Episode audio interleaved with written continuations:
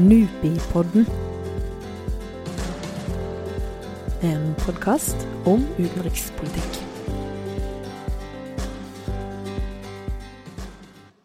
Hei og velkommen til en ny episode av Nupipodden. Det har vært en lang sommer i en verden der det har skjedd mye, og i dagens episode skal vi til Afrika, nærmere bestemt opprørere i Afrika. Mitt navn er Marie Furovden, og med meg til å snakke om dette, så har jeg seniorforsker på NUPI, Morten Bøås. Velkommen skal du være. Takk, takk. Du forsker hovedsakelig på fred og konflikt i Afrika, og har nylig gitt ut en bok eh, sammen med Kevin Dunn om Afrikas opprørere. Eh, boken har tittelen 'Africa's Insurgents Navigating an Evolving Landscape'. Eh, og hva var motivasjonen til å skrive en bok om akkurat dette temaet? Det vi ønsket å gjøre, var å lage en helt ny bok som på mange måter bygger opp et nytt rammeverk for å forstå den type bevegelser, og spesielt når vi ser hvordan konfliktbildet i Afrika har endra seg, hvor det ikke er igjen spesielt mange av disse organisasjonene som er, har nasjonal frigjøring som sitt eh, viktigste syfte. Og det er først og fremst i dette Sahel-beltet, det er i Somalia, det er eh, i i deler av Kenya, og det er i, i, i Kongo f.eks. Og det vi da ønsker å se på, er liksom hva er det som kjennetegner dagens opprørsbevegelser i Afrika? Mm. Du nevner eh, Sahel-området og Kongo bl.a. Hva er det som kjennetegner disse landene der opprørsgrupper har fått mer eller mindre fotfeste.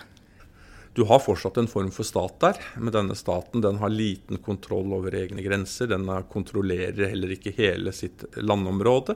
Og det er også en stat som ofte er veldig omstridt. Altså den mangler folkelig legitimitet fordi den ikke klarer å levere. Så dette er på mange måter konflikter som utspiller seg i områder med svært sårbare stater, hvor det er sånn at for folk som lever spesielt i perifere strøk, så kan det hende at disse opprørsbevegelsene er viktigere for deres daglig dont og muligheten til å overleve enn det staten og dens internasjonale støttespillere er. Mm. Og Dette skaper også nye rom for den type bevegelser å operere i. I eh, områdene som vi har snakket litt om, så finner vi ulike opprørsgrupper. Ansar Din, Al-Shabaab, Boko Haram, IS, bare for å nevne noen. Um, hvem er disse opprørene? Ja, hvem er de? Vi vet en del om de. Altså, vi vet en del om lederskapet. Altså, du, her har du et lederskap, og du har nok et lederskap i de fleste av de som er ganske ideologisk overbeviste. Dvs. Si at de, har en, de tror på en eller annen form for salafistisk ideologi.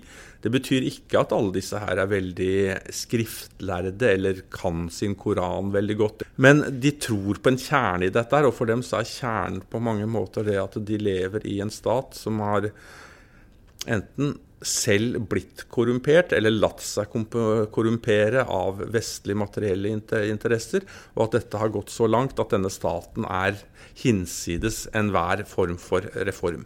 Altså De ønsker ikke å ta over staten i Mali eller andre av disse Sahel-statene. De ønsker å brenne denne staten ned til grunnen. Og når denne, disse statene har brent ned, så skal de bygge det de selv omtaler, spesielt i Sahel, som en ny grenseløs omma av de rettroende. Når det gjelder liksom mer fotfolk i disse bevegelsene, så vi vet en del. Og det er at uh, for noen så er dette her rett og slett noe de også har blitt overbevist om. Altså Man har levd med en stat som har på mange måter, hvis den er til stede, så er det kun som en undertrykkende og som, og som, en korrumperende enhet. Man har på mange måter aldri fått oppleve eller sett den gode siden av hva en stat kan være. Så dette er rett og slett deres deltakelse dette er rett og slett et ønske om å slå tilbake. Om å brenne dette ned. For andre igjen så er dette mer snakk om man lever i områder hvor det er så lite andre muligheter å overleve på, at dette rett og slett blir en levevei. Altså man blir på mange måter profesjonelle soldater. Enten over lengre tid eller for kortere perioder, for disse bevegelsene har penger, og de kan betale for det. Det er en del folk som er i disse bevegelsene i dag, som nok opprinnelig hadde tenkt seg til Europa, men som av ulike grunner gikk tomme for penger eller muligheter til å komme seg videre et eller annet sted i Sahel. Overleve må man. Eh, retur tilbake til der man kom fra opprinnelig er ofte ikke en spesielt god idé, for mange har satt seg gjeld i dette forsøket på å nå Europa. Og da blir dette her igjen en måte å rett og slett overleve på opprørsgrupper som vi har nevnt, eh, de er jo ikke unike. Du finner opprørere overalt i verden. Men hva er spesielt for opprørsgrupper i Afrika? Hvis vi ser på dette nye feltet, og da snakker vi om spesielt de som er, eh, har en eller annen form for salafistisk inspirasjon, så er det én ting som skiller liksom det konfliktbildet vi nå ser i Mali, Sahel eh, over mot Somalia, fra det konfliktbildet som vi så på slutten av 90-tallet, inn på 2000-tallet. Hvis vi tar utgangspunkt i borgerkrigen i Sierra Leone, som eh, starta på 90-tallet og varte fram til 2001-2002. Sånn en av de mest dominante militære aktørene i den var en opprørsbevegelse som gikk under navnet eh, RUF, Revolutionary United Front. En bevegelse som, hvis man ser på omtalen som de fikk i internasjonal media på 90-tallet, så ble de omtrent beskrevet som like brutale som i dag eh, er gjengs for omtalen av eh, IS, altså den islamske staten. Men det er en annen interessant ting her. Altså, de ble omtalt som, som like brutale. Altså, RUF ble stort sett omtalt som uh, kriminelle unge menn på dop som dreper, voldtar, mishandler, kapper armer og bein av sivilbefolkning. Altså, altså, de verste av de verste. Men vi kunne fortsatt gjøre én ting som vi ikke kan med disse nye bevegelsene. Vi kunne invitere dem til forhandlinger. Altså det var gjentatte prosesser av forhandlinger med RUF. Hvorfor var det mulig når vi omtalte dem sånn som vi omtalte dem, som så brutale? Jo, det var mulig fordi at RUF gjorde én ting som dagens bevegelse ikke gjør. RUF aksepterte den sierraleonske nasjonalstaten. De ønsket å ta over nasjonalstaten. De aksepterte staten som utgangspunktet, og de aksepterte også det internasjonale systemet av stater. Og da, da har man i hvert fall et grunnlag for forhandlinger. Hvis man ser på dagens bevegelser, altså for at du nevnte Boko Haram, eh, Ansar Eddin, eh, Al Qaida i det islamske Maghreb, eh, altså mindre IS-fraksjoner, så er det én ting de har til felles, er at de aksepterer ikke staten. Altså De ønsker ikke å overta Boko Haram vil ikke overta den nigerianske staten. De vil brenne ned denne staten, de vil ødelegge den totalt. De aksepterer ikke grenser. De skal etablere noe helt nytt i en, en svak stat der uh, lokalmilitæret ikke fungerer, f.eks. Hva er det som gjør til at opprørsgruppene klarer å, å, være dynamiske og rett og slett overleve? Det er En av de tingene som særpreger disse konfliktsonene, er ikke nødvendigvis at disse bevegelsene er kjempesterke, for det er det ikke. Det dreier seg ikke om så veldig mange menn under våpen, det er bare at statene er så svake.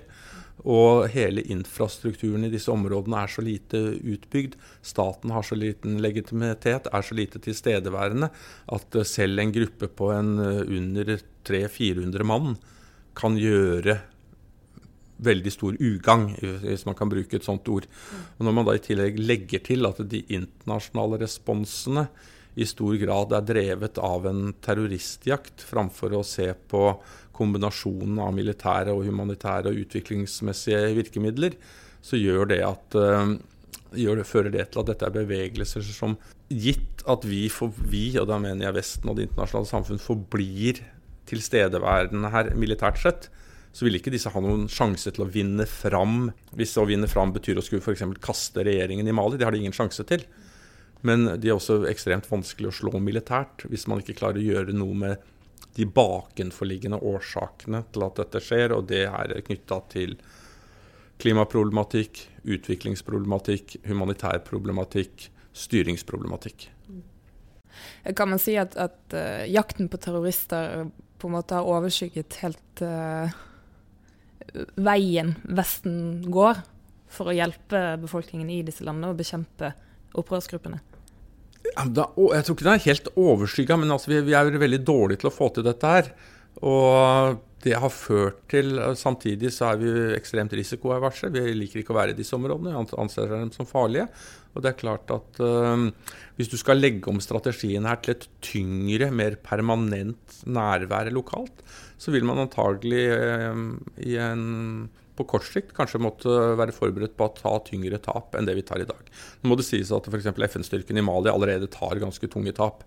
Det er den FN-styrken i dag som utsettes for, for mest uh, dødelige angrep i løpet av et år. Og Det er en ganske uholdbar situasjon man er i. Så i den grad denne boka har en policy-side, så, så, dreier den seg om at vi er nødt til å tenke på nytt den måten vi legger opp våre strategier her. Det er klart at uh, det vi har sett fra andre krigssoner, hvor man har prøvd den type mer utviklingsstrategier, så viser det at det er, ekstremt vanskelig.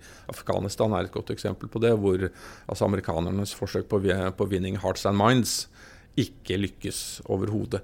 Men når det er sagt, så tror jeg ikke vi har noe annet valg her hvis vi skal klare å de, ikke bare demme opp for dem, som vi gjør nå, men bidra til å sette land som Mali og de andre Sahel-landene på en noe større kurs så må vi på mange måter vinne denne kampen om hvem det er som er mest relevant for folks overlevelsesmuligheter i daglig domt. Mm.